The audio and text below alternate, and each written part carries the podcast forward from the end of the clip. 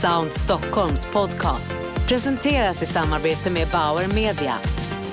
Då säger vi välkomna till Resumés podcast från eventet Sound Stockholm. Vi sitter här i Bauer Media studio för att prata om det magiska ljudet och dess möjligheter. Jag heter Julia Lundin och är redaktör för Resumé Insikt. Har du någonsin gått i en butik och undrat varför du köper det du köper? Det kan nämligen ha med ljudet att göra. Ljud påverkar vårt humör, vår lust och vårt beteende.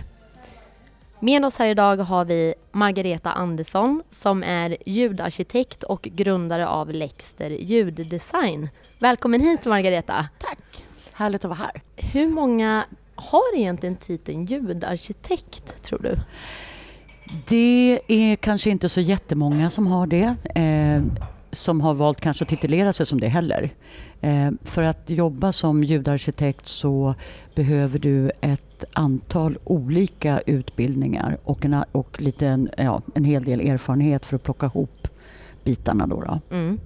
Eh, du behöver ju förstå ljud såklart, eh, ha ljudförståelse, akustik, beteendevetenskap.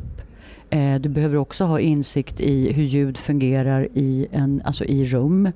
Eh, absorption, det ligger ihop då med akustiken. Mm. Men också eh, väldigt eh, eh, bra om du också har kontroll över alltså marknadsföring, varumärken och de bitarna. För att allting man gör mm. Eh, hänger ju ihop och någonstans finns det ett varumärke. Mm.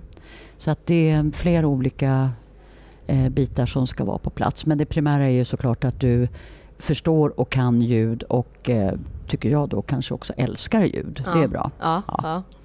Eh, du pratar ju om vikten att ha rätt ljud på rätt plats. Vad, är det du, vad menar du med det och varför är det viktigt? Jo, jag menar att det ska vara rätt ljud på rätt plats till rätt person. Eh, och eh, om vi illustrerar till exempel att vi går in i en, eh, vi tar en butik eh, och eh, så finns det en kassa någonstans. Då tycker jag att det inte är rätt om det är som så att kassörskan eller den som står där har en högtalare ovanför huvudet. Därför att det ska hon eller han stå i då hela dagen. Och det kommer bli extremt tröttsamt. Och också kanske ha då bra samtal med sin kund. Och det är inget bra. Eh, så då skulle jag säga att det där var inte rätt ljud på rätt plats till rätt person. Mm. Men det kan ju också vara information. Mm. Att jag vill att en, en viss grupp människor ska få en viss typ av information. Och då menar ju inte jag att alla människor i den miljön behöver ha den informationen. Mm. Så att um, det ska vara rätt ljud på rätt plats till rätt person. Att har du ljud där så ska mm. du också veta varför du har det ljudet där och vad det ljudet ska göra. Mm. Mm. Um, Lexter har ju hjälpt många företag, bland annat Åhléns mm. och Viking Line. Mm. Och ni har även ljudsatt Moodgallerian i Stockholm. Ja. Hur, hur tänkte ni när ni ljudsatte den till exempel? Man tar Moodgallerian som vad jag tror, eh, jag är inte hundra på det jag säger nu, men mm. det har i alla fall tidigare varit Europas största ljuddesignade projekt. Så att Modgallerian har 24 ljudzoner. Oj. Och när vi började jobba med eh, den här handelsplatsen så fanns ju inte den. Mm. Utan det var gamla Salénhuset som man då byggde om. Så när vi kom in i eh, diskussionerna och i själva man säger det kreativa, då var allting bara en stor betongklump. Mm. Eh, och då satt ju vi tillsammans med reklamchefer, marknadschefer, arkitekter och inredningsarkitekter eh, och pratade om vad ska ljudet göra här inne? Vad ska det tillföra? Eh, och utifrån det jobbade vi fram då ett ljudkoncept.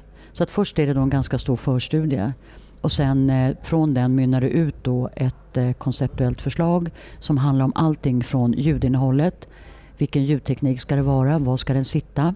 Så på Modgallerian är det då till exempel det stora ljudsystem med, eh, som levererar den, den stora ljuddesignen. Mm. Men sen har vi också ljudduschar, så åker du rulltrappor så har du en, en upplevelse som bara finns i rulltrappan.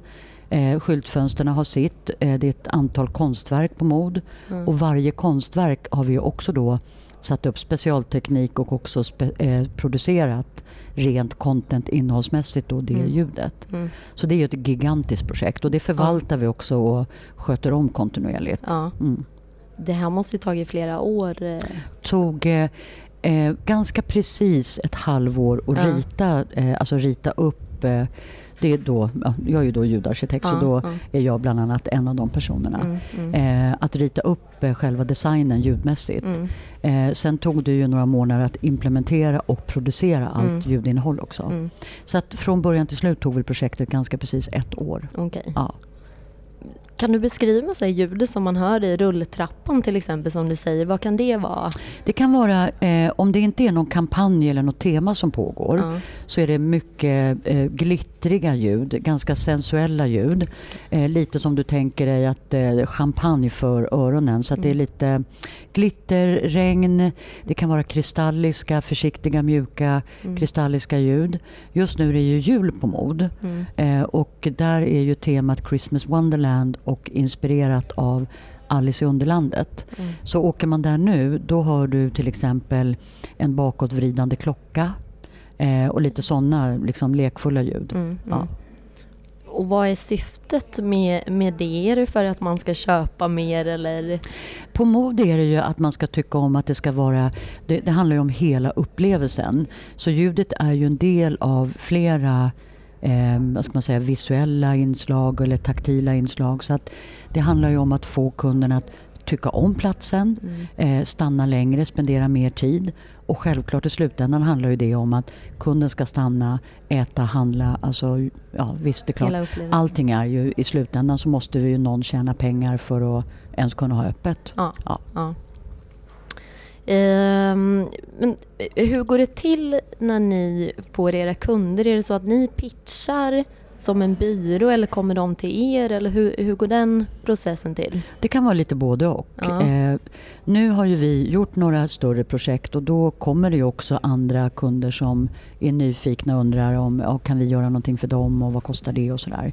Så att det är båda vägarna mm. och det är klart att vi uppvaktar ju också kunder som vi gärna skulle vilja jobba med. Mm. Så det är lite både och. Mm. Eh, och mellan varven så blir vi inbjudna i en pitch. Mm. Eh, och då väljer vi ju med omsorg eh, att titta över seriositeten eftersom varje gång man gör det så är det en ganska stor eh, arbetsinsats. Mm, mm. Eh, så att eh, ja, så vi mm. gör högt och lågt. Um, tidigare i höstas så vann ju ni utmärkelsen Isabelle Winner på International Sound Awards i mm. Hamburg för ert projekt Impossible Run. Ja. Kan du berätta lite kort uh, vad det här är för något projekt? Uh, The Impossible Run handlar om att hjälpa synskadade, eller helt blinda då, uh, att kunna navigera och träna och idrotta med hjälp av ljud som navigation. Och eh, det vi gjorde nu var att eh, eh se en, en, eh, vi hittade det, vi kastade fram en, eh, en man som heter Oskar. Eh, där, som är då, han tränar ljud och lite andra olika saker. Och vad vi ville se var om vi kunde eh, hjälpa honom och andra då helt, alltså som har hel synnedsättning eller helt blinda att kunna springa ett 60 meters lopp eh, utan ledsagare. För det är ju så idag att när man är synskadad eller blind och tränar eller tävlar i till exempel löpning då gör man det med ledsagare. Du har någon som springer framför som du håller i. Mm. Och det är ju eh, egentligen kan man, man tänker så här utvecklingsmässigt så skulle det, kräver ju det att den som är din ledsagare måste vara bättre än du. Därför att annars så hämmar det din, eh, din utveckling. Mm. Eh, och, och då ville vi se om vi kunde göra en ljudkonstruktion och producera ljud som fungerar för vänster och höger öra eh, och få då en blind person att kunna centrera på en löpbana och kuta det här loppet mm. rakt. Mm. Eh, så det var, det, det var där vi började. Så det tog nästan två år. Mm. Eh, och det var helt fantastiskt att se hur, eh, hur eh, Oscar i det här fallet då med hjälp av eh, vi kalibrerade in då liksom hur lång han är och vilka, alltså så att högtalare och sånt, det är ultraljudshögtalare då. Ja. lägger sig liksom över hela den här sprinterbanan. Mm. Och hur han väldigt snabbt bara kalibrerar in själv i sin, sin, sin hörsel. Här är vänster, här är höger. Mm. Ställer sig på mitten. Eh, vi, vi bara stod och tänkte så här, är det verkligen möjligt? Det var ju bättre än vad vi hade hoppats på. Mm. Och springer spikrakt. Mm. Och för varje lopp som vi tränade och jobbade fram det här så hade han ju också med sig en ledsagare när han värmde upp. Mm. Så han, eh, det var också lite kul så att uppvärmningen då måste han ha en ledsagare för att springa sig varm innan han liksom gör ett sprinterlopp. Mm. Och sen på sprinterloppet då så kunde han springa helt själv. Mm. Så det här projektet har ju vi då tagit vidare då till Parasport. Eh, vi har genomfört eh, lite olika saker både med mindre barn Mm. eh, på ett stort eh, sportevent för synskadade i Eskilstuna det. tillsammans med Parasport. Då. Eh, och man kan säga så att ju yngre eh, man är, ju tidigare plockar man ju upp den här idén med att kunna få springa själv. Mm. Mm. Och alla som har gjort det och alla vi har pratat med då upplever den här maximala friheten att själv bestämma över sin kropp Mm. eh, och veta var man är någonstans. Mm. Mm. Så. Mm. Så Och ni har fått jättegod respons på det här Ja. projektet. Ja. Mm. och det har ju varit också ett absolut kärleksprojekt från oss. Ja. Två år tog det att genomföra. Mm. Vad har ni lärt er av, av just det projektet? Och massor. Mm. Eh, man kan säga att hela researchen innan så hade vi ju kontakt också med Synskadades riksförbund och sådär. Man ska inte tro som seende att man har någon som helst aning om vad som, vad som eh, händer om du inte ser. Mm. Vi kan sätta på oss hur mycket såna här blindfolders som helst. Vi, har ingen, vi, blir, vi ser ut som, liksom full, alltså vi, ser Mm. som vi är fulla när vi Ja. går med det. Vi kommer inte att liksom hitta det här som... som eh, för sinnena funkar ju så för oss i hjärnan att om ett sinne inte finns så tar ju andra sinnen över. Mm. Så är du synskadad eller blind så har ju du en hörsel som inte går att jämföra med din och min hörsel. Mm.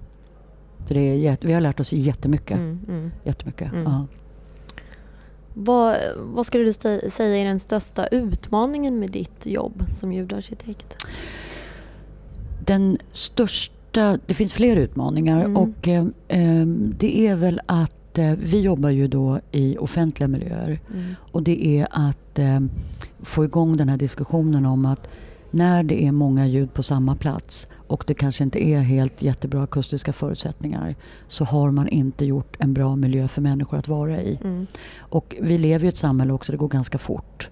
Eh, och en dålig ljudmiljö bygger ju stress. Mm. Och är människor då redan uppe i hög puls så vill man att folk ska tycka om att besöka platsen så måste man se till att man inte ökar på den här stresspulsen. Mm. Eh, tittar man på hela teknologin idag så blir ju den mer och mer ljudsatt. Mm. Eh, och vi använder ju ljud på väldigt många olika sätt hela tiden. Mobiltelefoner, mycket lurar på.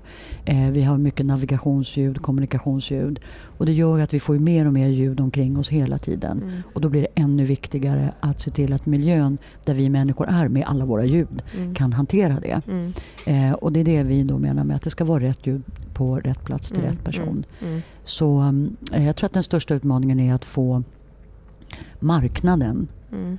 Att eh, känna att ljud är, det är viktigt med bra ljud. Mm. En bra ljudmiljö är viktig och den Mm. ska budgeteras. Mm. Det ska finnas liksom en rad när man lägger årsbudgeten som heter ljudmiljö. Ja, Det är ja, liksom min stora, stora önskan. Det är, ja. ja. Eh, sista frågan du som är ljudarkitekt. Vilket är ditt favoritljud? Ja, det har ju egentligen ingenting med en offentlig miljö att göra. Men Nej. mitt absoluta favoritljud är, jag har ju ett fritidshus i Skåne. Ja. Eh, och väldigt nära det så finns det som en liten damm. Och det är faktiskt när man går och lägger sig på kvällen, eh, öppnar fönstret och lövgrodorna spelar. Det Trevligt. är, det är nog mitt absoluta, ja, alla, alla, det är tveklöst det absolut mitt favoritljud. Mm. Mm. Låter väldigt vackert tycker Ja. jag. Mm. Tack så jättemycket Margareta Ja. för att du ville komma hit idag. Tack så hemskt mycket själv. Tusen tack. tack.